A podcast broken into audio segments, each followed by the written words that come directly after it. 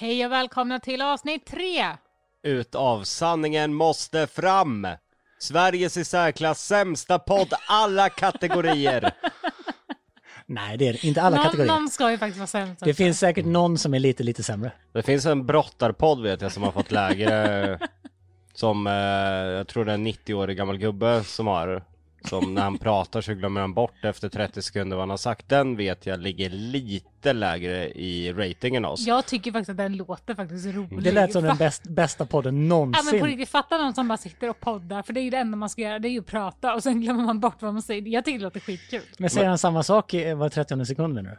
Nej, ibland så kan det flyta iväg lite Nej men han har 0,1 i, i, i stjärnor då utav 5 Och vi har 0,11 Så vi ligger precis före där Fast det stämmer inte, för jag var inne och kollade på det förut och då hade vi fått två recensioner och det var genomsnitt fem stjärnor. Ja, det, var eh, Var det innan fru avsnittet släpptes? Det var innan avsnittet släpptes. Det var bara när trailern låg uppe. För när man lägger upp en podd så gör man så att man skickar in en ljudfil först där det bara är en liten trailer. och- Som ingen visste om. Och då, jag tror att det kan ha varit min fru. Nej men det var många som skrev, vad är det för rovdjur ni är med? vad, vad är det för rovfågel? Men du menar att jag är? Att jag är rovfågeln? Skyll inte på mig, det var lyssnarna som skrev det. Vad är det för rovdjur skrev de. Men det kan man ju ta som en komplimang. Ja. Vadå? Men i alla fall, nu är det avsnitt tre här och vad ska vi djupdyka i idag? Vi ska prata om hur det var för er att växa upp och bli vuxna i offentligheten. Vi kör igång.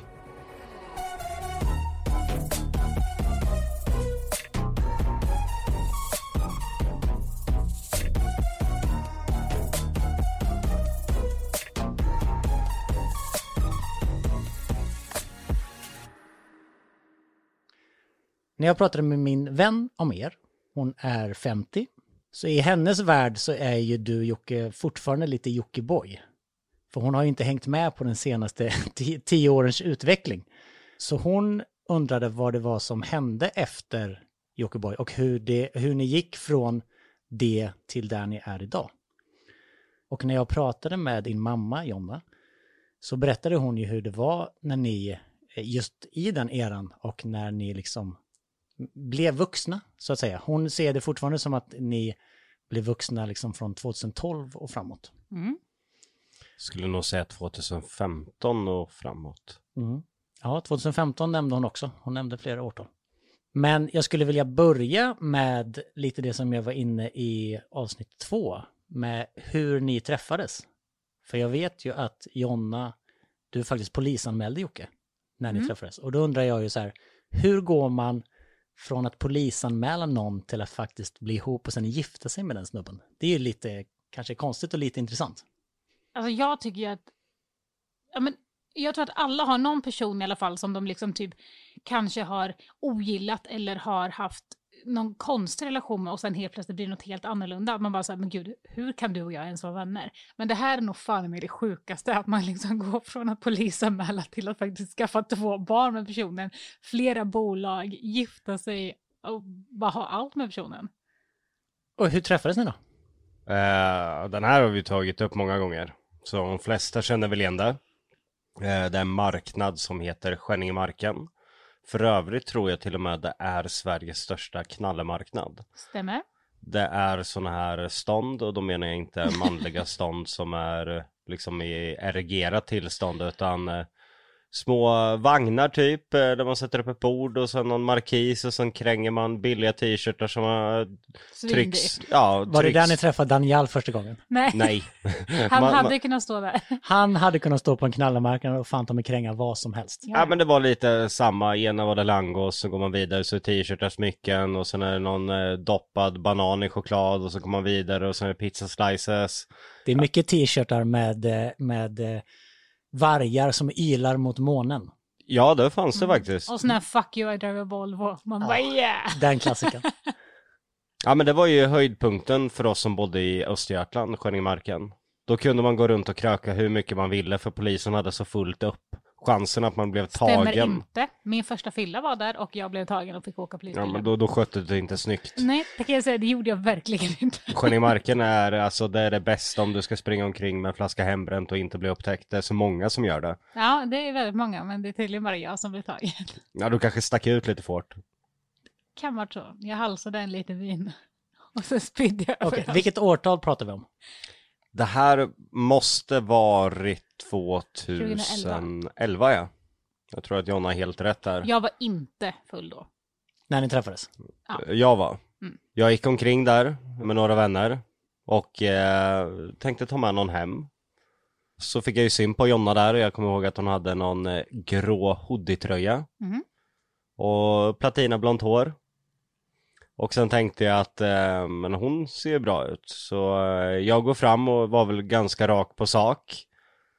Jonna var inte sådär jätteintresserad utan eh, jag har att du eh, refererade till att du skulle hem till din mormor. Mm. Jag ska hem till min mormor och sova. Nej tack. Nej, jag trodde ju inte på henne. Men nu idag så vet jag att hon har en väldigt nära relation med sin mormor. Så då tänker jag att jag ska göra henne lite svartsjuk. Så då går jag till en annan tjej och börjar ragga. Och jag visste ju namnet på den här tjejen och tänkte då, ja men det är lugnt. Men det visar sig att det är Jonnas syster. Helt random, för att jag var inte ens med min syster utan vi bara var på samma plats. Liksom. Och Jonna hette ju Lundell och hennes syster heter Rautanen. Så jag tänkte ju, det finns ju ingen koppling där. Men eh, det gjorde det ju. Och det kanske inte var sådär jättelyckat eller förbättrade mina odds. Och hon vill ju inte heller följa med dig. Nej, för övrigt så vill inte hon heller följa med mig hem. Men var det här 2011, var du eh, känd då?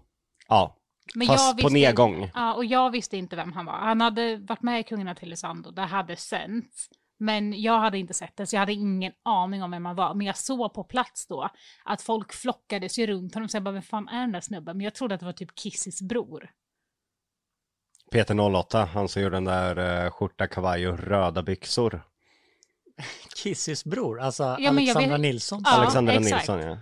Så jag, jag, jag vet inte varför, men det var bara så här att ja, men han är tydligen känd. Men alltså jag är ju så ointresserad av, alltså jag blir ju inte starstruck förutom på Carola. Alltså det är den enda personen som jag kan Carola är Sveriges enda kändis. Ja men det är typ Ja. så. Jag blir Ja. också starstruck när jag ser Alltså Carola. hade hon varit med i en typ hide and seek, jag hade inte kunnat spela in det, jag hade inte kunnat det, jag hade inte kunnat tilltala henne, jag hade, alltså nej, det går inte. För övrigt så tycker jag det kanske var att höja ribban lite och säga att folk flockades runt mig. Det kanske var en fem, sex personer. Ja, Men det var inte jättemycket folk just den, den dagen faktiskt. Hon försöker skydda mig här. Nej men kändisskapet var på dekis. Det var ungefär som när eh, Nordman åker omkring och uppträder för några öl. Ungefär på den nivån var jag. Men alltså man såg i alla fall att du var någon, om man säger så. Alltså man ser ju på folk att de vet vilka. Du gick runt är. med självförtroendet som en B-kändis. Ja, jag hade någon, en, någon t-shirt jag inte hade tvättat. Luktade extremt illa. Jag hade klippt mitt eget hår, färgat det svart som en korp. Jag vart ju listad i Café tror jag det var som eh, topp 10 genom tiderna fulaste svenska frisyrerna. Mm. Jag kom inte etta dock, men eh, det var inte heller pallplacering tror jag, men jag kom på femte, sjätte plats där någonstans. Bra, då kommer vi lägga upp en bild på vår Instagram, då ska ni gå in och se på den. Okej, du ville alltså ha med Jonna hem, det gick inte. Då gick du på hennes syrra som du inte visste var hennes syrra, det gick inte heller. Nej, så Va? jag tog någon annan. Du tog någon Du annan. tog min syrras kompis. Och så var det så. Ja, fast de var inte, de är klasskompisar men de hängde inte med varandra där. Men det har jag fått reda på nu i efterhand. Okej, Okej. och hur, hur, hur tar man det vidare sen då? För då fick du upp ögonen för Jonna, eller? Ja, jag hittade henne på Facebook sen. Och jag skrev till henne. Hon var inte så intresserad. Så eh, jag tänkte... Alltså du spammade mig och man bara så här, men alltså kan du bara sluta skriva? Om jag inte svarar dig då vill inte jag ha någonting med det att göra. Ungefär så. Så då tänkte jag att eh, få en reaktion. Så la jag ut ett eh, blogginlägg på min blogg jockiboi.se. Är det här den klassiska runkbloggen? Ja, det är jag. Eh, vid det här tillfället så var det topp fem största bloggarna kanske. Och då skrev jag att jag och Jonna hade haft sex tror jag. Mm. Vilket inte stämde. Och sen några mindre fina ord. Kanske inte så passande ord. Ja, och jag fick ju en reaktion. Jag tror till och med att jag hade blockat Jocke vid det här tillfället och då gjorde han så för att jag skulle avblocka honom. Och givetvis, alltså jag gjorde ju det 100% för att skriva bara så här, men din jävla idiot, vad fan är det här? Och jag polisanmälde honom, men det lades ju ner i stort sett direkt. Och då var det bara så här, jaha, vadå, ska han bara kunna skriva vad som helst om mig? Och sen, alltså för att det var ju ändå så här folk som, även om jag sa att nej men vi har inte ens rört varandra, jag har inte ens, alltså jag har sagt hej till honom typ, eller alltså liksom berätta så var det fortfarande folk som bara, ja säkert, säkert, han skriver det här. Man bara, jo men vem fan tror på Jockiboi? Alltså, och jag visste inte vem han var och jag visste inte vad, alltså då kom jag in på den här bloggen för att folk länkade den till mig liksom. Och jag bara, vad i helvete är det här liksom? Så när du såg hans blogg så blev du inte mer sugen på honom, om man säger så? Nej, det, in, inte direkt. Nej, det, det, var väl inte någonting som tilltalade mig kanske. Men jag var ganska avdankad då, så jag tror inte det var några av mina bättre, mest kreativa runkar som låg uppe på den tiden. Det hade gått ut för då. Bloggen var inte lika stor som den var innan heller. Storhetstiden var över. Men tänk ändå, det är ju helt otänkbart att ha en sån blogg nu. Ja. Alltså, den skulle bli nedstängd direkt. Ja, det skulle den ju. Tack gode gud. Tack gode gud för det. Mm. Tack gode gud för att våra barn slipper, slipper Jockiboi typ. ja, Som ja men jag tänker, alltså det känns som att internet då var så jävla typ så här. Man kunde göra vad som helst utan några konsekvenser. Det konstiga var att typ den enda tidningen som reagerade och ens skrev en enda artikel om mitt beteende var Nyheter 24 och Emma Malmlöv tror jag hon heter. Jag vet inte om hon är, men jag vet att hon har varit tillsammans med författaren Pascal Engman. Och det är typ den enda artikeln jag kan hitta från den tiden. Idag om någon hade gjort allt jag gjorde och var så pass offentlig så hade det ju stått överallt. Mm. Jag hade varit kansel innan jag ens fan hade gått och bajsat. Men ingen reagerade utan alla bara skrattade och hejade på och ville ha mer. Mm. Och var och hur går du över till att tycka att den här snubben verkar lite skön ändå? Jag ska nog börja hänga med honom. Jocke höll på att skicka, alltså han skrev, han typ flörtade på ett sliskigt sätt, alltså konstant. Det var liksom flera gånger om dagen. Så jag fick ju typ blocka honom hela tiden. Jag bara, men alltså bete dig. Och sen blockade jag honom och då gjorde han någonting så att jag var tvung- tvungen att blocka upp honom och bara så här, men alltså vad i helvete kan du bara skärpa dig liksom. Men sen började jag sköta mig lite. Ja, för jag sa så här till dig, okej, för du bara, ja men jag vill ju bara vara din vän. Jag bara, men fråga inte då om vi ska knulla, fråga inte om vi ska göra det här. Jag bara, jag vill inte göra någonting med dig, jag vill inte gå på bio med dig, jag vill inte göra det här, jag vill inte göra det här, jag vill inte göra det här. Du, vi kan chatta, men då ska det vara normalt. Jag bara, du kan ju börja med att fråga hur jag mår. Alltså that's it liksom. Och sen kan vi chatta som normala människor. Och då sa han, absolut, jag ska ta vara på den här chansen. Och eh, så började du bete dig. Och det här var också en tid som jag mådde väldigt dåligt. Det var en tid där jag bråkade väldigt mycket med min mamma. Eh, jag kände mig väldigt ensam i mina känslor. Jag kunde prata med mina vänner, men inte på så djup nivå.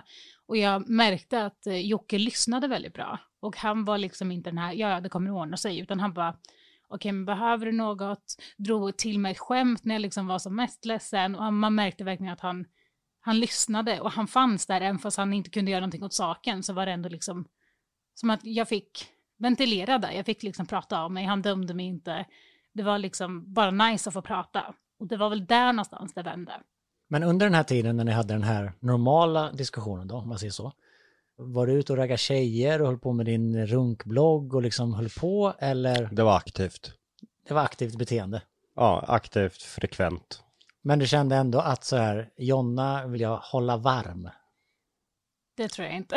Nej, det var väl mer om jag ska vara helt ärlig nu idag så jag var inte van vid ett nej.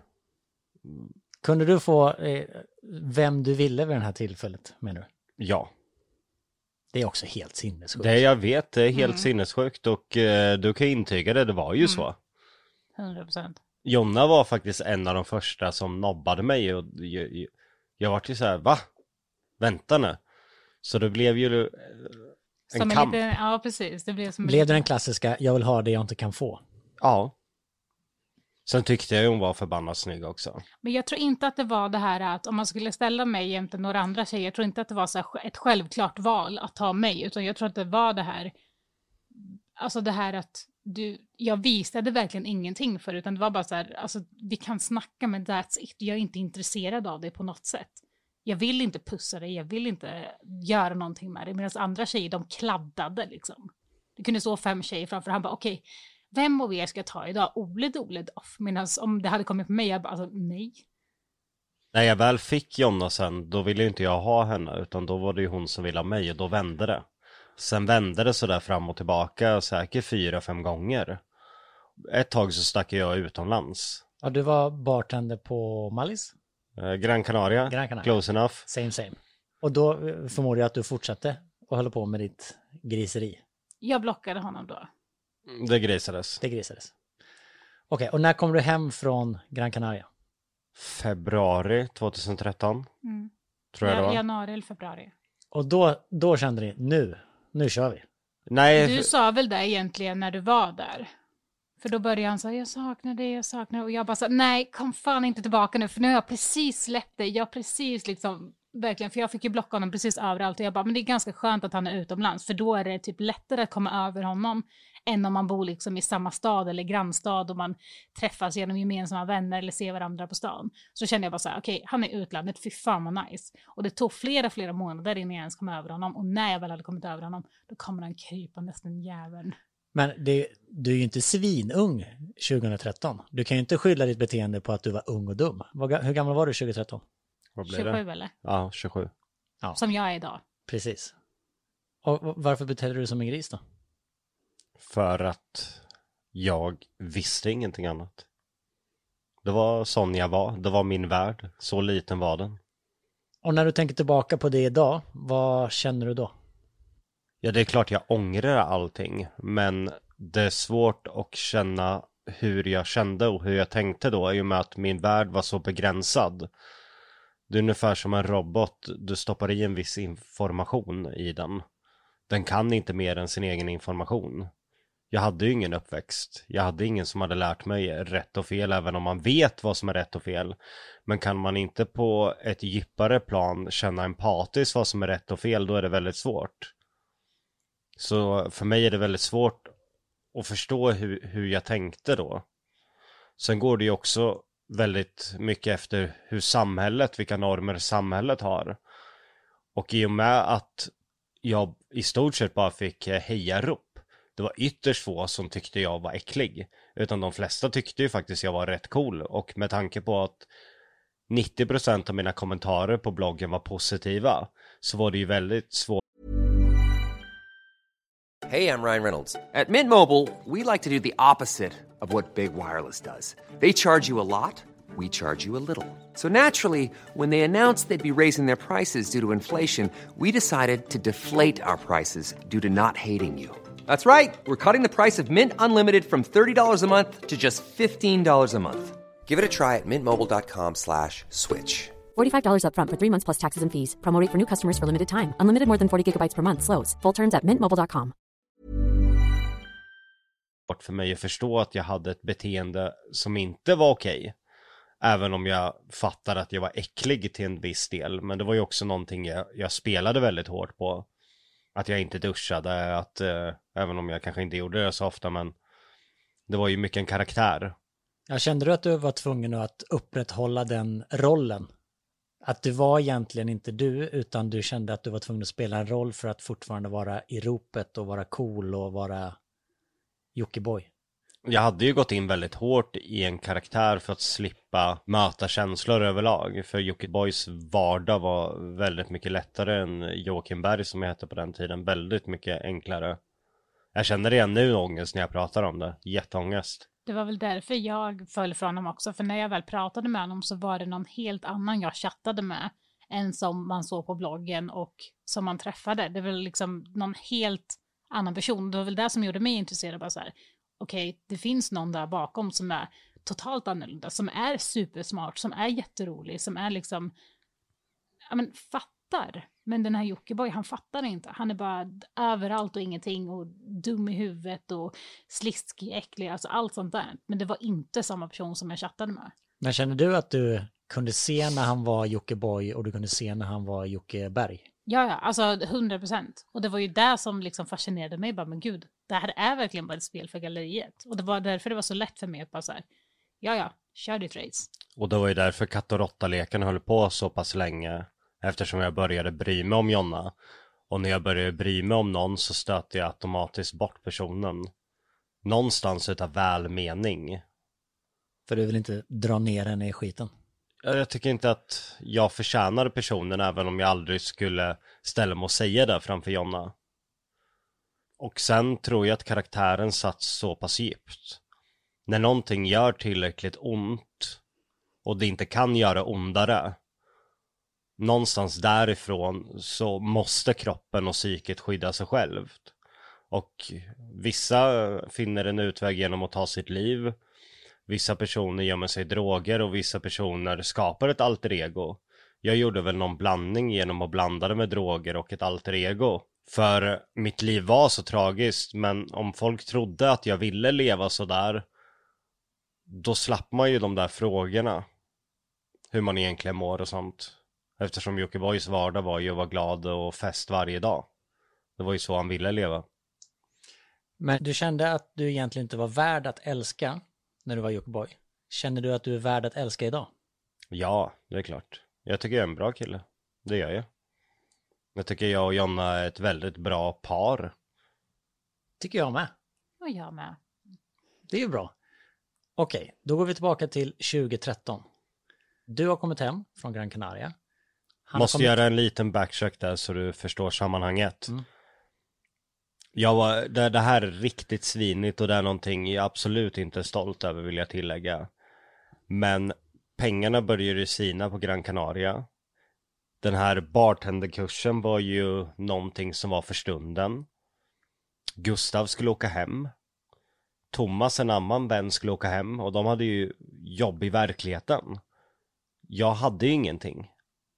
Så jag sitter i ett annat land utan ekonomi och mina vänner ska åka hem. Så då i ren panik så säger jag till Jonna att jag vill försöka. Kan inte du ordna en lägenhet till jag kommer hem? Så jag får Jonna då skriva sig på en lägenhet i Vadstena. En eh, tvåa i ett eh, man kan väl säga i ett vanligt hus, inte ett eh, radhus eller bostadshus, utan, utan en villa som är uppdelad i tre delar, där det finns lägenheter. Sedan så bokar Gustav en biljett eh, hem till Sverige åt mig. Och sen skiljs vi åt och jag ska åka då till den här lägenheten. Och eh, när jag sätter första foten in där så får jag sån ångestattack att eh, det är nog en av de värsta ångestattackerna jag haft i livet. Jag kan inte förklara känslan men jag känner den bara jag tänker på den. Det var så mörkt, det fanns inget ljus, det var inga möbler. Och jag kände att det här är slutet av livet.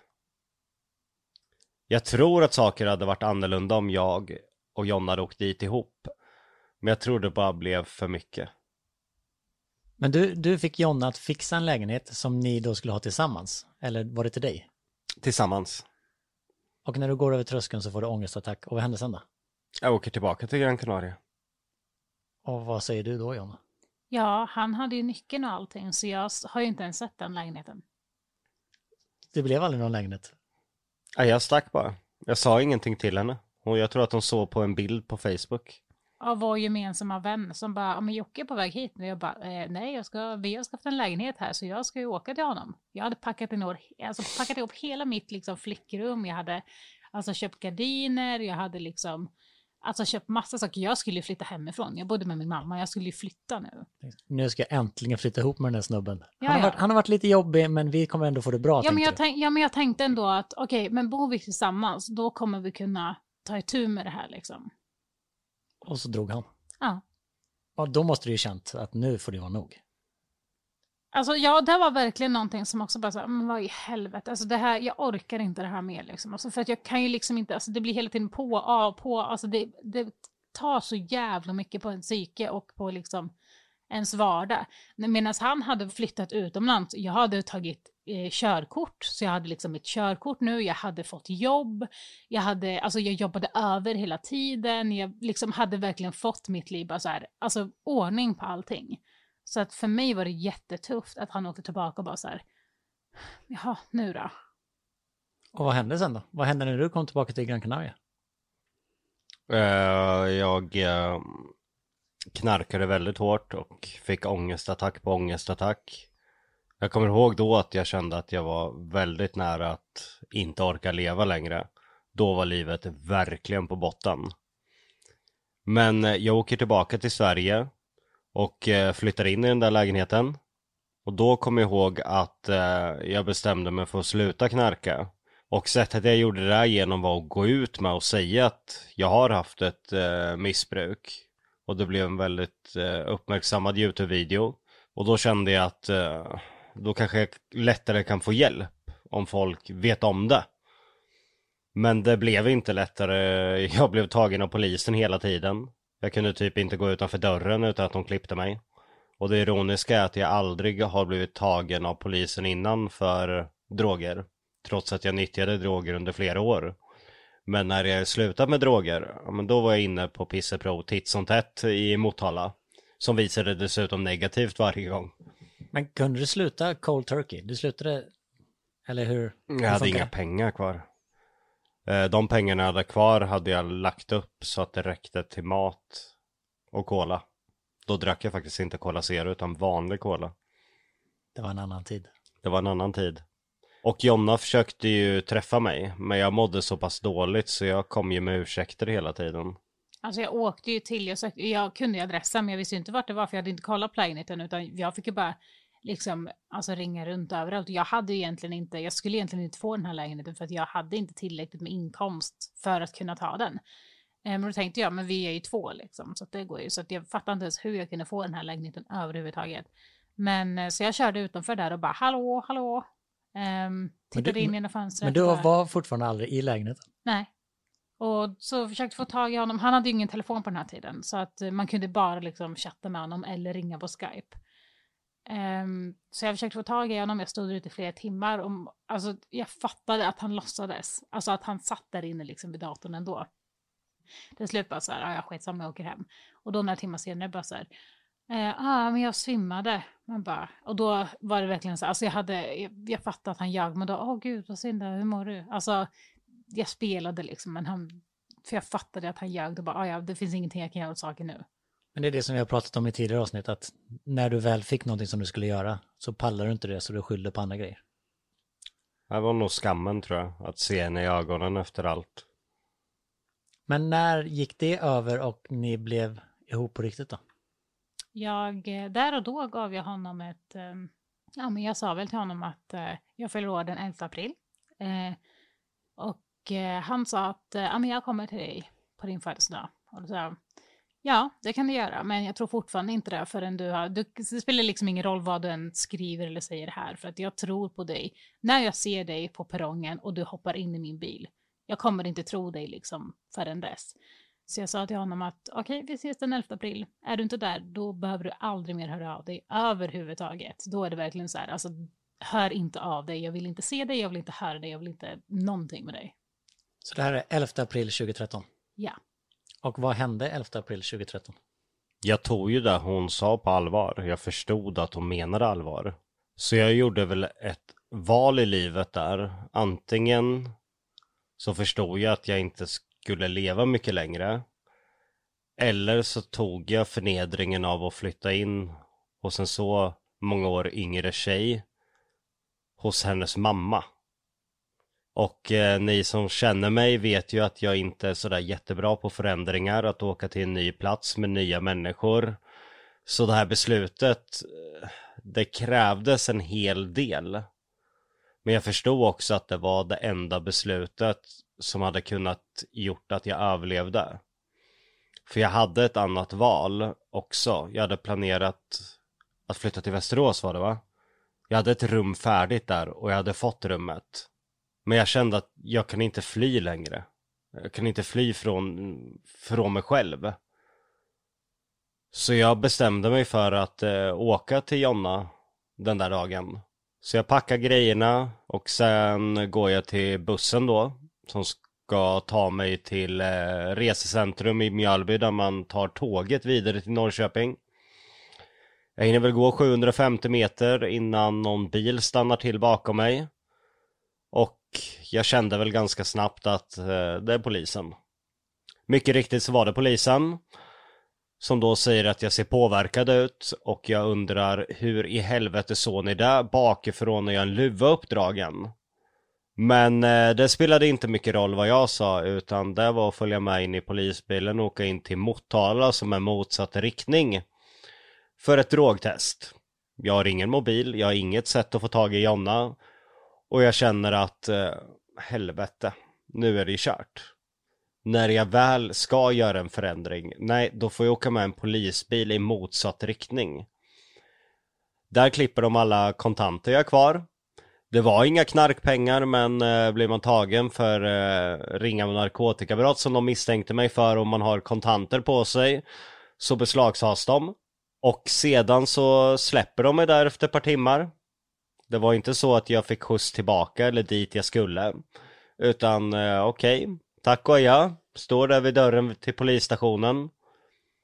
Så jag har en dator och sen tror jag att jag fick igång ett wifi va? Och fick Ja. tag i dig. Mm. Och bara jag kommer, jag kommer, jag kommer. För tiden har ju gått ut. Jag skulle ju redan varit där. Och jag liksom var hos en, en vän. Och jag bara så här, ja, nej, men han kom inte. Okej, skitsamma. Du blev egentligen inte förvånad. Nej, alltså det, det var verkligen, det hade kommit till en punkt liksom där det var så här, nej, alltså jag hade inte ens förväntat mig någonting. Utan det är bara så det är liksom. Men du lyckades ta dig till Norrköping. Och vad hände när liksom du, du flyttar in hos John och hennes mamma? Hur funkade det? Det är också en känsla som inte går att beskrivas. En läskig, obehaglig, ständig ångestkänsla.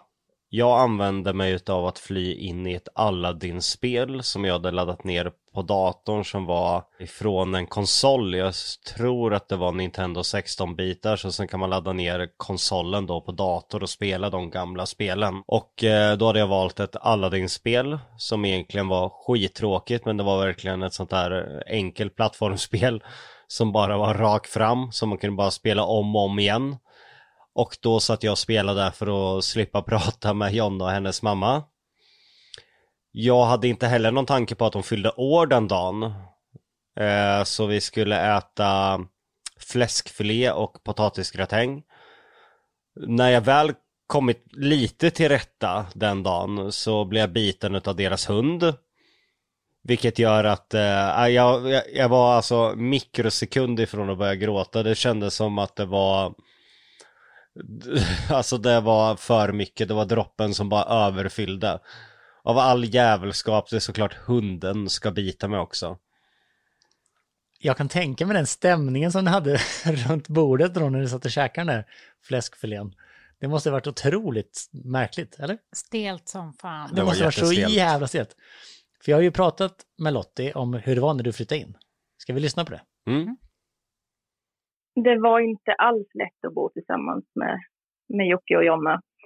Jonna blev ju ännu mer rebellisk mot mig, för då hade hon ju verkligen någon som hon, som hon kunde vara med och sådär. Då var ju inte jag värd så mycket då. Och eh, jag sa väl till Jocke att allting som han gjorde inte riktigt funkade. Och eh, i början var han väl egentligen inte kär i Jonna, utan han behövde någonstans att bo, skulle jag kunna tänka mig. Så eh, det var inte jättelätt, men samtidigt så blev ju, det blev ju vi tre, vi blev ju en familj till slut. Och eh, jag kände ju att han faktiskt inte var den som jag hade trott att han var, utan han, han var ju faktiskt mycket mer bakom masken. Vad säger du om det, Jocke? Jag tror att Lottie har helt rätt i det faktiskt. Jag tror att Jonna var en utväg. Någonting som tvingade mig att förändra livet. Men sen så gick det väldigt fort till att bli någonting. Jag kan faktiskt fortfarande än idag eh, tänka tillbaka på tiden vi bodde hos Jonnas mamma och känna att det var en väldigt bra tid. Vi lagade mat ihop, det var dagens höjdpunkt. Vi gick och handlade tillsammans. Vi Promenader. promenader med hundarna. Vi kom väldigt nära varann och för första gången i mitt liv så kände jag en tillhörighet. Jag kände för första gången hur det var att tillhöra en familj. Men på något eh, jävla sätt så skrämde väl mig det samtidigt som jag gjorde väl mitt bästa för att förstöra förhållandet så gott det gick. Genom att åka iväg och kröka på helgerna och vara otrogen. Jonna fattar väl det men hon orkar väl mestadels inte ens att konfrontera mig. Men hur kände du under den här tiden då? Visste du att han var otrogen och hur kändes det? Ja, men alltså, jag vet inte, alltså jag tycker att den där tiden är väldigt fin samtidigt som att jag får typ, alltså jag vill typ inte prata om det för att jag får så jävla ångest. Jag mådde så himla dåligt i mig själv, i, ja, men, jag var liksom en tonåring som skulle växa upp, alltså det var väldigt så här, jag vet inte, det, det var jobbigt med mamma, det var, allting var bara så jävla jobbigt typ. Och där var jag i mitten. Ja, Där var och sen det. var det liksom att Jocke skulle åka iväg och festa och jag fick inte följa med, men jag skulle åka och hämta honom, åka och lämna honom, skjutsa hans kompisar till en annan stad och sen skulle åka hem igen. Alltså, det var liksom mitt liv. Varför, alltså, jag menar inte det som att varför lät du det hända? Det är ju liksom, jag ska inte lägga ansvaret på dig, men varför kände du att Ryan Reynolds here from Mint Mobile. With the price of just about everything going up during inflation, we thought we'd bring our prices down. So to help us, we brought in a reverse auctioneer, which is apparently a thing. Mint Mobile unlimited premium wireless. Ready to get 30, 30, bit to get 30, bit to get 20, 20, 20, bit to get 20, 20, bit to get 15, 15, 15, 15 just 15 bucks a month. So, Give it a try at mintmobile.com slash switch. $45 upfront for three months plus taxes and fees. Promo rate for new customers for limited time. Unlimited more than 40 gigabytes per month. Slows. Full terms at mintmobile.com. att eh, det var okej? Varför kände du bara sådär, fan den här killen är toppen, han fortsätter jag leva med? Eller kände du att du inte kunde sparka ut honom eller? För att jag trodde att det fanns så mycket mer. Du kände att, Och bara, jag ville väl att det skulle finnas mer. blev, du- var du ledsen under den här tiden på honom? Jätteledsen. Märkte du det Jocke, eller sket du bara i det? Jag tror att jag var ganska avstängd emot det under den tiden. Jag förstår ju idag att de var väldigt ledsen. Men just då så tror inte jag ville inse det. Det var väl lättast att inte kännas vid de känslorna. Men hade du fortfarande vid den här tidpunkten eh, Jockiboi-fasaden? Eller hade du börjat krypa ur den?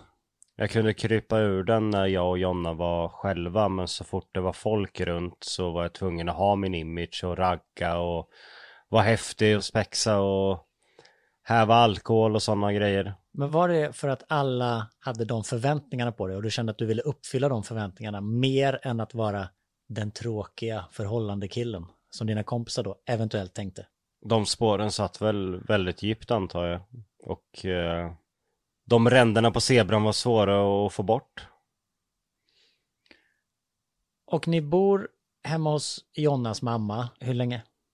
Nästan två år. Fan, det är länge. Visst var det nästan två år? Mm, Jag tror det var något sånt. Och hur kände ni, för jag vet ju hur Lottie kände under den tiden. Vi kan lyssna på det. När han flyttade in hos oss så det första han gjorde var att ta dit sex kompisar som, eh, från Västerås som bodde i, eller bodde, de tillbringade helgen i vårt vardagsrum på en massa madrasser och grejer. Och jag har ju social fobi så jag tyckte det var skitjobbigt. Men det var ingen som frågade mig liksom. De frågade aldrig mig hur, hur jag ställde mig till saker eller om någon fick komma eller sådär liksom. Det var, det var full rulle hela tiden och jag fick sitta på mitt rum som en liten mus. Sen, alltså Jocke dök ju plötsligt upp hemma hos oss och jag hade ju liksom inget val att, att kasta ut honom för jag, jag vill inte sätta någon på gatan igen som har mått sådär. Så de tog över min lägenhet och eh, jag hade väl inte så mycket att, att säga till om där. Så då var båda väldigt rebelliska och då var de ju två mot en liksom. Så då, ja det var jobbigt ett tag. Vad kände du när du hörde Jonna? Ja, alltså inte för att liksom försvara mig själv och Jocke så, men grejen var ju att vi betalade våran del av hyran. Det var vi som handlade all mat och allt som skulle handlas. Det var vi som Lagade maten. lagade all mat, alltså allt. Städade. Så, ja, städade, Tvättade. tvättade. Alltså allt, allt, allt sånt Till och med jag gjorde. var med och tvättade på den tiden. Oj, Och då känner väl jag att det är kanske lite mer våran lägenhet som att vi tar hand om den mer. Eh, och sen om vi har vänner över, ja men då får hon absolut sitta i vardagsrummet om hon vill. Men eftersom att hon har social fobi så om jag tror att hon hade fått välja så hade hon ändå gått in till rummet. Så där, där måste jag faktiskt försvara oss lite. Lottie mådde ju väldigt dåligt vid den här tidpunkten också. Extremt, extremt dåligt. Lottie är en betydligt mer eh, u- utvecklad människa idag. Och där tror jag väl är tack vare mig och Jonna och även att vi har utvecklats tack vare henne. Vi utvecklade varann väldigt mycket. Så att den som låg lite efter fick hela tiden uppbackning utav eh, de som hade utvecklat sig mer. det måste ju varit så otroligt dysfunktionellt i den där lägenheten.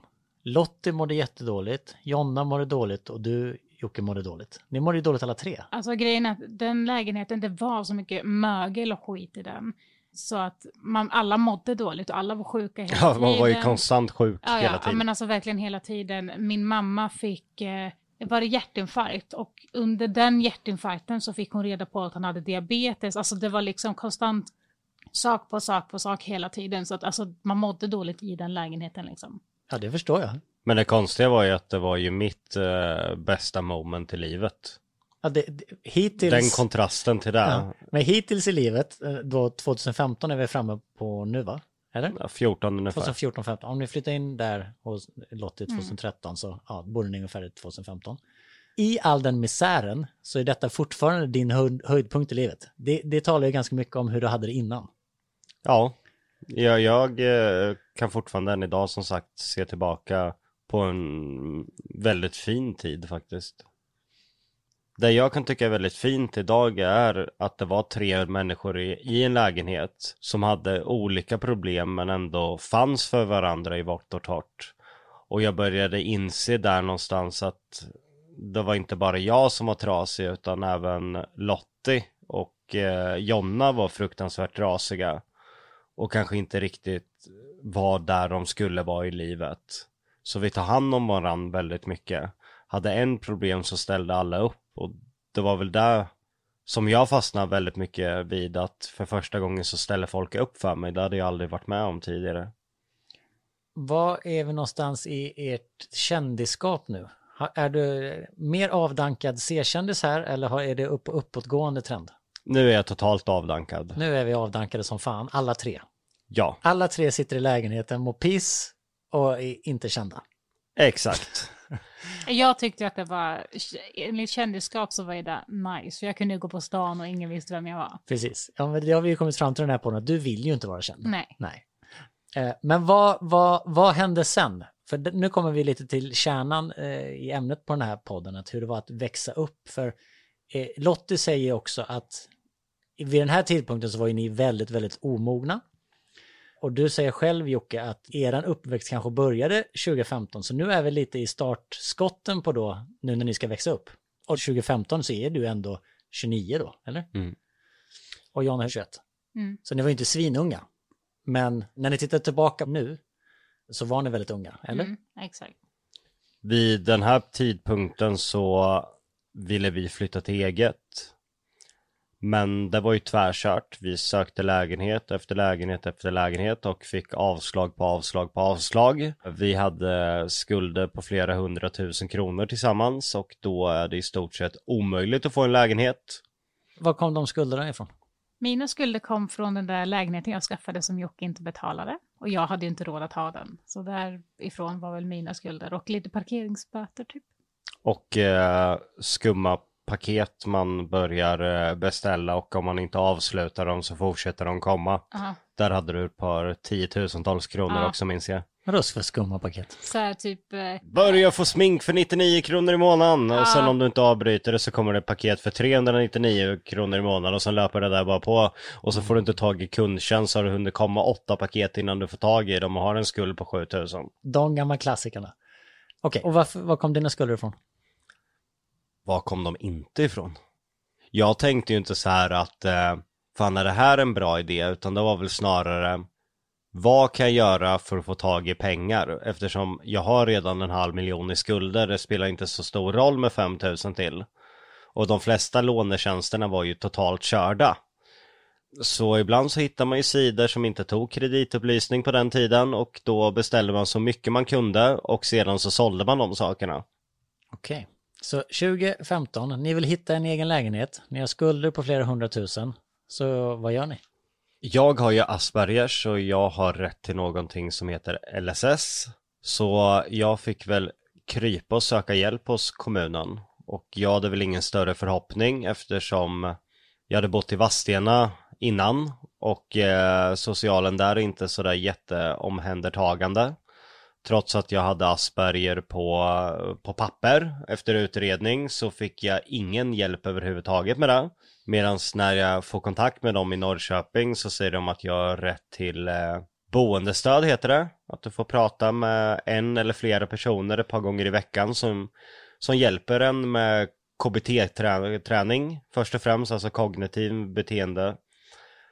Och då fick jag en handläggare som hette Christian. Och det började väl med små promenader och sedan så växte väl en väldigt stark eh, vänskap fram. Och för första gången så fanns det en vuxen inom kommunen som såg mina bra sidor. Och där har jag ju aldrig varit med om tidigare. När jag gick på socialen i Vadstena så såg de snarare ner på en och försökte hitta alla sätt som gick för att dra in pengar. Så jag blev väldigt chockad att det fanns människor som jobbade inom myndigheter som faktiskt ville människor väl. Och Christian eh, märkte att jag hade ett intresse av att vara kreativ. Han märkte att jag var väldigt kreativ. Och sporrade mig till att börja med en YouTube-kanal. För jag sa att jag var jätteintresserad utav det. Så jag började göra små klipp där jag spelade eh, tv-spel. Och eh, pratade runt med hur jag spelade.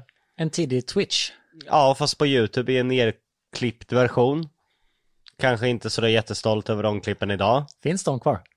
Några av dem. Det är eh, säkert eh, 95% svordomar i dem. Börjar det krypa lite i tanken när du tittar på dem? Vissa ordval som har med kvinnor att göra är ju någonting jag skäms otroligt för idag. Men annars så kan man väl se en viss eh, glimt utav humor om man räknar bort alla de icke eh, lämpliga saker om eh, kvinnor eller homosexuella eller vad det nu kan ha varit. Okej, men du börjar din YouTube-kanal och ni får boendestöd så ni kan skaffa en lägenhet. Eller? Eh, vi får ingen lägenhet till en början utan det är en ganska lång plan jag får gå. Med arbetsträning, eh, x antal möten. Jag tror jag hade tre i veckan va? På två timmar, så sex timmar i veckan. Oj, det är mycket. Ja, det här pågick ju säkert i ett halvår. Men någonstans där så började jag kämpa. För mig så fanns det ingenting annat än att vi skulle sköta oss prickfritt och få den här lägenheten och det är ganska ovanligt för den här tidpunkten för att vara mig. Här har jag alltså en biljett ut ur hela mitt gamla liv. Så mycket betyder den för mig. Och där någonstans vänder det. Jonna förstår inte det jag förstår. För att hon har aldrig haft de problemen. Hon har haft en mormor som har räddat henne ekonomiskt hela tiden. Hon förstår inte samma allvar som mig. Så här någonstans så mognar jag ifrån Jonna. Så jag får vara lite, lite pappa åt Jonna. Och innan så var det tvärtom. Om du kommer ihåg det. Håller du med om det, Jonna? Ja. Var, var, och hur blev det då när det blev lite ombytta roller? Alltså grejen för mig var, alltså vid det här laget, nej jag kunde inte betala en räkning för att jag hade inga räkningar. Alltså, jag bodde ju hemma, jag, ja, jag betalade halva hyran tillsammans med Jocke då, eller vi delade upp det, mamma, jag och Jocke. Men jag hade ju liksom inga räkningar så att jag kunde inte betala räkningar för att jag inte hade några räkningar. Jocke var ju tvungen, alltså han var ju den åldern och hade bott själv och så vidare så att han skulle ju kunna det. Men den här, nu visade ju han att han kunde göra sånt och liksom han var tvungen att göra sånt. Jag tror att det handlar om att Jonna inte visste hur det kändes att förlora allting, att inte ha någonting. Ville hon ha en elskoter kunde hon ringa till sin mormor och få en elskoter. Den möjligheten hade jag aldrig haft i livet. Så det är svårt när man inte har varit på den sidan. Så jag förstår idag att Jonnas mognad kanske hamnade efter för att hon, det är svårt för henne att tänka hur det är när man förlorar allt. Ja, för du hade ju för första gången i ditt liv börjat få saker som du inte ville mista. Precis. Så därför började din oro komma att fan, om jag inte sköter mig nu så kommer jag mista det här. Det var min sista chans på riktigt, jag förstod det. Och chansen var så pass stor. Det var som ett eh, gå ut ur fängelsekort. Hur kan jag få en lägenhet efter allt jag har gjort var min tanke. Men hade du helt slutat med drogerna och eh, otroheten och supandet och festandet här? Ja, här var jag väl ganska långt ifrån där. Jag började räkna våra pengar, sätta upp budgetar. Och när vi kom till det här mötet om lägenheter, för det var inte säkert att vi skulle få en lägenhet. Och jag kommer in på mötet och då sitter tror jag hon heter, LSS-handläggare. Det var jag, Jonna och Christian och sen en tant som heter från socialen. Och jag hade ju suttit i flera dagar och gjort en budget hur vi skulle klara av den här lägenheten. Du hade förberett dig? Ja, ja, verkligen. Och jag hade gjort en jäkla gambling. Och eh, jag var på Arbetsförmedlingen och skrev Ume där. Vid den här tidpunkten så hade inte YouTube slagit igenom. Men jag är så glad att min boendestödjare Christian pushade mig. Jag kommer ihåg där att jag skulle precis gå ut på praktikplats, vilket betyder att jag får bara socialstödspengar för att vara där åtta timmar om dygnet. Och Youtube-kanalen har ju börjat gå lite uppåt och jag sa till Christian, att jag vill satsa på det här. 99,9% inom myndigheter har sagt, nej vad är det för något? Du, du ska ha ett riktigt jobb. Men han sa till mig att eh, satsa på det här om du vill det. Tror du på det så tror jag på det. Jag vet att du har förmågan. Och eh, vi sätter oss där på eh, möte på Arbetsförmedlingen och jag säger att eh, nej, jag hoppar av. Jag eh, ville försöka försörja mig själv. Och hon tittar på mig som att jag var helt dum i huvudet. Sen vänder hon blicken till Christian och bara, men gör någonting. Han ska satsa på något Youtube. Och han säger iskallt att jag står bakom Joakim till 100%.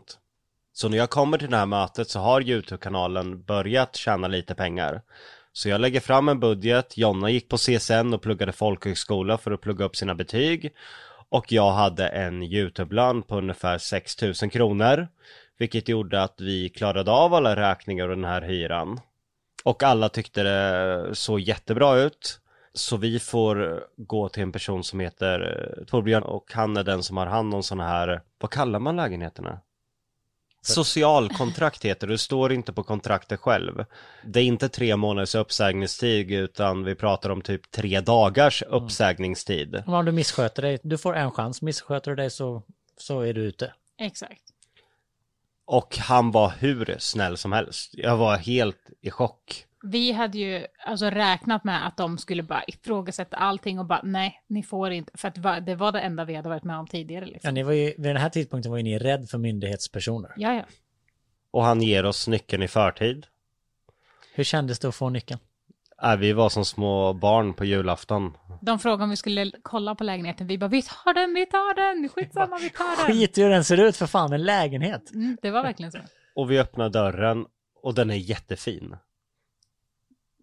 Ja, Ja men om du tänker oss då. ja. Idag kanske vi inte hade sagt att den var så fin för den luktade Nej. jättemycket rök ja. för det, var första. Typ, det var typ jättestarkt gula tapeter.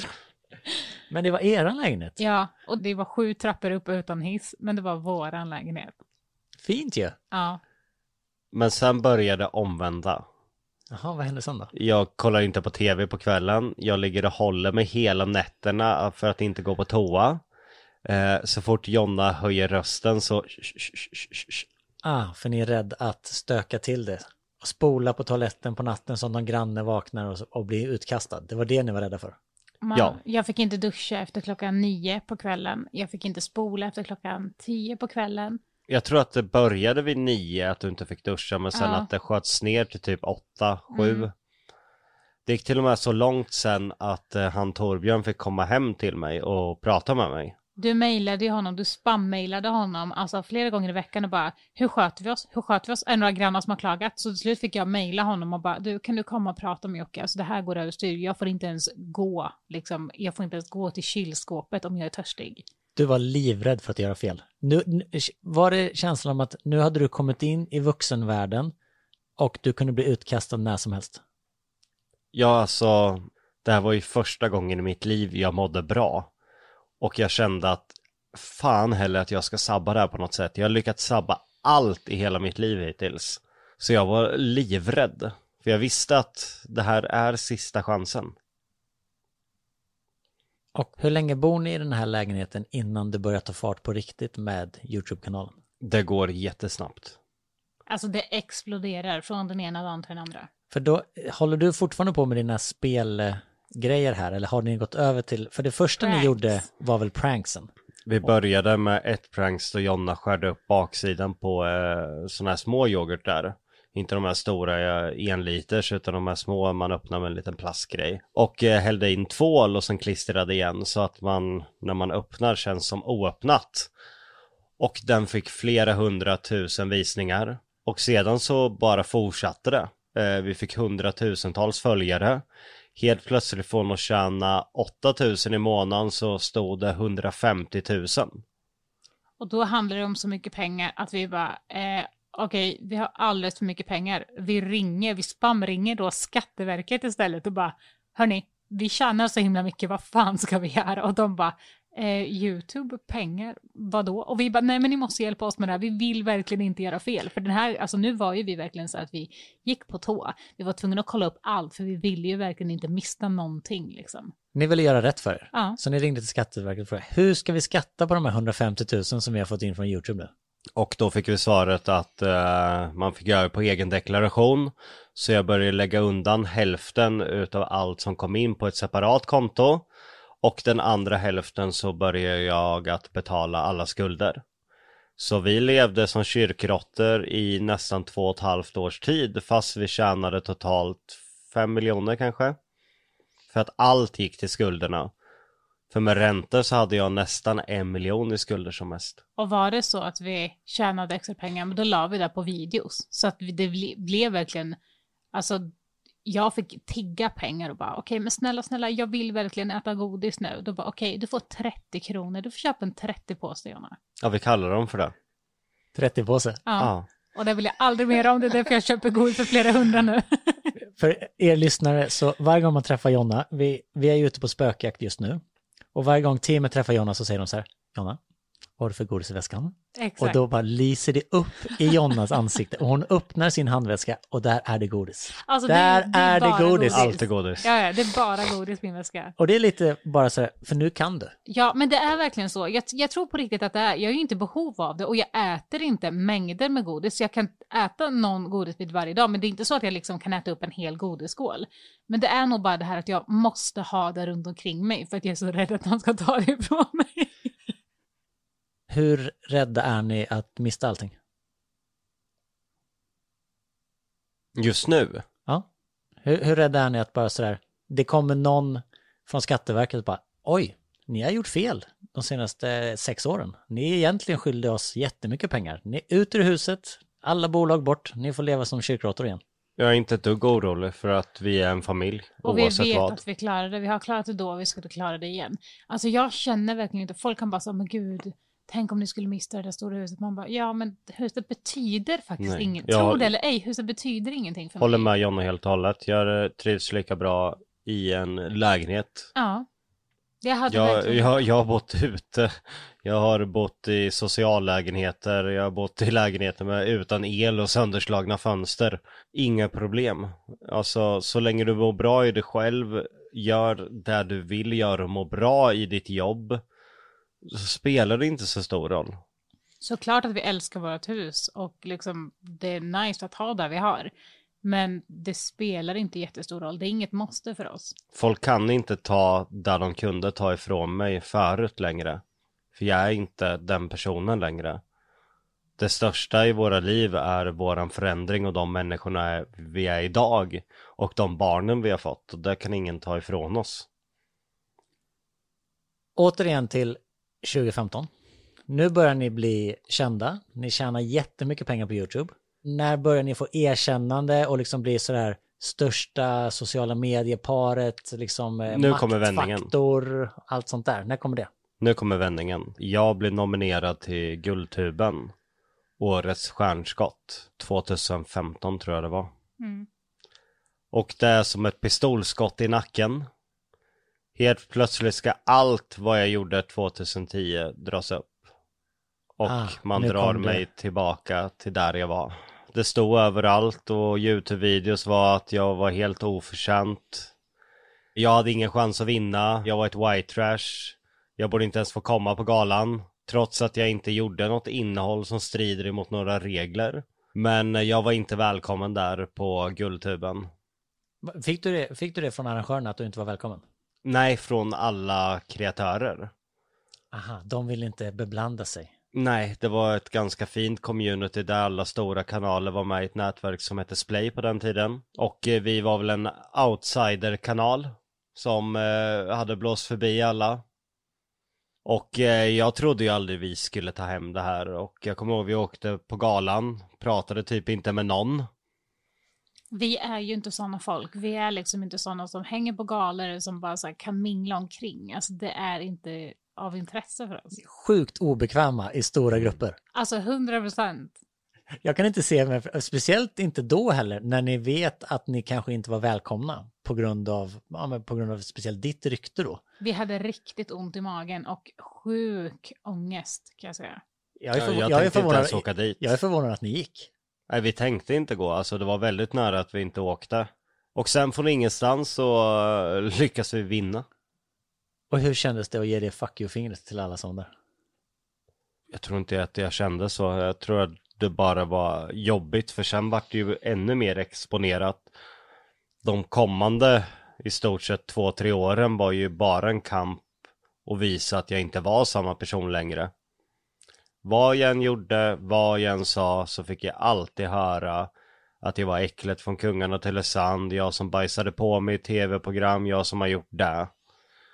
Du har ju berättat för mig Jocke att när ni blev kända så blev det så konstigt för du kunde i princip inte betala räkningar. Du visste inte hur man gjorde. Och det var så konstigt att vara den förebilden och vara känd och liksom inte kunna vanliga saker som vanliga vuxna borde kunna. Här var ju du ändå 27, 28, 29 år.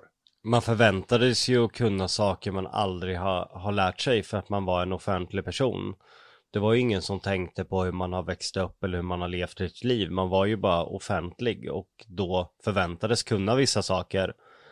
Men våra föräldrar egentligen heter nog våra följare, skulle väl jag säga.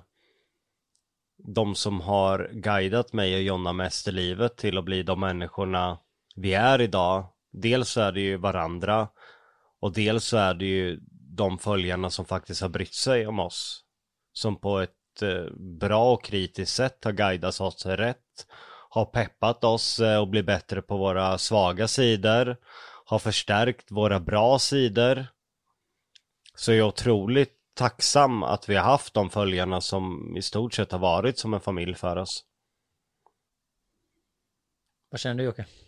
Jag känner väl bara just nu att det är jävligt tungt. Eh, Jag tycker det är jobbigt att prata om gamla saker. Jag undviker det väldigt mycket idag. Jag försöker leva i, i nutid så mycket. Så jag kommer må eh, sjukt dåligt hela natten, det känner jag redan nu. Jag känner den där ångestkänslan i kroppen, jag påminns om gamla saker. Det här var faktiskt det jobbigaste avsnittet vi har spelat in. Jag har ju bara spelat in tre. Mm. Men alltså det var verkligen det jobbigaste som jag ens tror kommer kunna liksom komma på tal. Ja, men jag känner ju på er att er energi, alltså... det är ju det. skitjobbigt är det för att eh, Det här är ju allt man har kämpat för att komma, ihåg, komma ifrån Och kunna få vara stolt för den man är idag att behöva, Jag har återvänt dit så jävla många gånger jag känner liksom att jag, jag är färdig med det jag är färdig med min barndom jag, jag är färdig med Jockiboi-livet, jag är färdig med det där Jag tycker det är skitjobbigt att prata om, jag kan inte riktigt sätta ord på det längre. Hade man backat några år så hade jag kunnat färglägga det, alltså in i minsta detalj, minsta känsla. Jag kan det inte längre för att det, det är svårt, det, det tar emot. Men jag tycker ändå det är... Eh, jag tycker ändå det känns bra att vi har luftat det. För jag tror att det är många som kanske inte vet. Vi kanske har nya lyssnare som inte har följt det så länge, som inte har någon aning om det, det livet. Eller känns det bara så här, vet ni vad, vi raderar det avsnittet. Vi vill inte ens folk, att folk ska höra det här. Nej, alltså det är väl ändå bra att prata om så att folk får ett perspektiv, men det är ändå sjukt jobbigt för att det har varit så himla, alltså det, det har varit, det är så ångestfyllt, det är liksom så ångestladdat att det blir, det är jobbigt att prata om, det är jobbigt för att man känner så som man kände då. Och de känslorna är inte, alltså det är inte sunt liksom. Nej, jag, jag får ju ångest och blir helt svettig när jag ser eh, er, två och Lottie sitta där i den här mögliga lägenheten och allt bara är piss liksom. Jag, jag, jag, kan ju, jag, kan, jag kan ju förstå er ångest. Och speciellt din ångest Jocke när du pratar om liksom med allt du sa om kvinnor när du spelade spel och allting du gjorde att, och alltid hur du betedde dig mot Jonna. Och att det liksom är sådär, du är ju inte den personen idag, men bara man tänker på hur det var måste ju vara asjobbigt. Det är ju jobbigt i och med att jag inte känner den personen längre och jag kan inte förklara varför jag sa de sakerna. Det är omöjligt. Nej, det är bara skitjobbigt och jag kan inte göra mer än att säga att jag skäms ögonen ur mig för det här beteendet. Men jag tror inte heller att jag hade kunnat göra någonting annorlunda. Jag kommer alltid få höra vad jag gjorde då, säkert tio år till. Det har jag vant mig vid. Jag har väl accepterat det, att det finns en viss grupp människor som alltid kommer försöka dra mig tillbaka till Jockiboi. Men jag tror ju nu så tror jag att merparten, eller fler än merparten har lämnat det. Ja, det tror jag också, men det är ju som man säger att får man hundra kommentarer så är det förmodligen den enda, om det nu är den enda hatiska kommentaren man fäster sig vid. Vad känner du Jonna? Jag, jag vet inte, alltså om jag står i centrum så tar jag åt mig väldigt mycket, men nu kan jag typ gömma mig bakom Jocke. Och det, grejen är också att han får väldigt mycket mer skit än vad jag får. Um, men jag läser aldrig kommentarer längre för att jag tar åt mig så extremt mycket. Så att det är liksom, alltså jag, jag kollar inte ens för att då tänker jag att okej, jag har inte sett det. För att jag blir så påverkad, jag, alltså det påverkar verkligen mig hur jag är i mitt privatliv då. Ja, Jag påverkas ju inte alls om kommentarer om mig eller mig själv förr, för jag är så avstängd mot det. Nu har jag ju öppnat upp mig och pratat om det och därför tycker jag det är jättejobbigt. Sen kommer jag väl tycka det är jobbigt eh, fram till jag ska sova under natten. Men eh, någonstans under morgondagen så kommer jag ju vara avstängd igen och då kommer inte jag att kännas vid den, den tiden. Jag har ångrat mig och jag kommer alltid ångra det, men jag måste leva i nuet. För Jonnas skull, för mina barns skull, för mina arbetsrelationers skull. Jag kan inte leva i den där tiden och gå och känna och tänka vad jag kunde ha gjort annorlunda, vara arg på de människor som behandlade mig dåligt. Absolut ska jag väl alltid känna skuld emot de människorna jag behandlade dåligt och det kommer jag alltid göra. Men jag kan inte leva där i dygnet runt. Det går inte, för då går jag sönder. Det tog otroligt mycket psykiskt och även fysiskt att eh, få ur det här. Nej, det är jättesvårt att sätta ord på. För bara några år sedan så kunde jag spotta ur mig en hel bok med känslor, till exempel monster och, och boken jag gjorde tillsammans med Jonna och, och allt det där. Men det känns som att jag har lämnat det på riktigt nu. Skeppet har seglat iväg. Och det är väl härligt. Och det är väl kanske sista gången vi pratar om det i podden då. Nu begraver vi det och behöver inte titta tillbaka. Nu kan vi bara titta framåt. Det låter bra. Ja men det är väl det som är jobbigt, jag blir alltid bedömd för vad jag har gjort, inte vad jag gör. Och det är väl det som är så jävla jobbigt och det är väl det som gör att jag blockar att vilja prata om det. För jag är så jävla trött på vad jag gjorde för tio år sedan. Jag vill bli sedd för den jag är idag och där jag är idag. Men det finns alltid en grupp människor som kommer försöka ta ifrån mig allt vad jag gör idag för att dra mig tillbaka till 2010. Och nu är det 2021. Ja, helt otroligt. Alltså du är ju verkligen så långt ifrån den personen. Alltså jag, jag kan inte ens komma på någon som har gjort den resan, ut, alltså den utvecklingen på de här åren. Alltså jag kan verkligen inte nämna någon, jag kan inte komma på en enda person som har gått från det extrema till det här kreativa och du är ju faktiskt en så himla snäll person och du skulle ju aldrig ens säga ett elakt ord till någon så. Ja, jag vet inte ens vad jag ska säga längre. Nej, men det blev ju lite av eh, blandning i det här avsnittet. Jag har fortfarande den här bilden av er två och Lottie sittande i den här mögliga lägenheten och jag bara kryper hela kroppen på mig. Jag tycker ändå det var intressant att prata om. Jag tror att många lyssnare också tycker det är intressant att verkligen höra bakgrunden. Och eh, jag tror att många med mig är imponerad över eran resa. Det är så många också som tror att vi har åkt på ett bananskal. Att vi liksom bara på räkmacka genom allting liksom och inte sett det här, alla de här ett steg framåt, tre steg bakåt, som det faktiskt har varit konstant och all den här oron i kroppen och vi vill göra rätt för oss men vi blir dömda för allting som har hänt innan. Vi har betalat av verkligen alla våra skulder och jag kan säga så här att vi, efter man har betalat av skulderna så har man ju fortfarande kvar prickar kan man väl säga. Eh, eller En betalningsanmärkning Ja, som ligger kvar i tre år hos Kronofogdens register. Och jag har precis blivit av med det nu. Så att vi har verkligen jobbat och jobbat och jobbat för att liksom kunna ta oss någonstans. Och nu, för första gången, så kan jag liksom bara vara fri. Alltså det är som sjuk känsla att kunna vara fri på det här sättet. Men att det har tagit så pass många år. Men jag ångrar ingenting. Och förhoppningsvis Jocke så får du vara fri från att bli dömd från ditt gamla jag snart. Det kommer jag aldrig få vara. Jag förväntar mig ingenting annat. Ändå, Lämna det där. du är ändå lite tagen efter dagens avsnitt. Ja, ja, verkligen, det är jag. Ja, men det var skitjobbigt, det var det. Då tycker jag vi pratar om något roligare i nästa avsnitt. Mm, det tycker jag också. Vad säger ni om det? Jag är med på det. Bra! Tack så mycket! Tack. Tack själv. Om ni vill följa oss på Instagram så heter vi sanningen måste fram. Ni kan också mejla era frågor eller ämnen som ni vill att vi ska diskutera till podd.jockejonna.se. Och ge oss gärna stjärnor.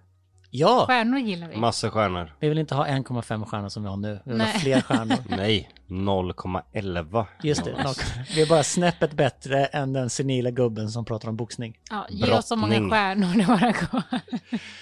Tusen tack för att ni lyssnade. Vi hörs nästa vecka. Hej då! Hej då!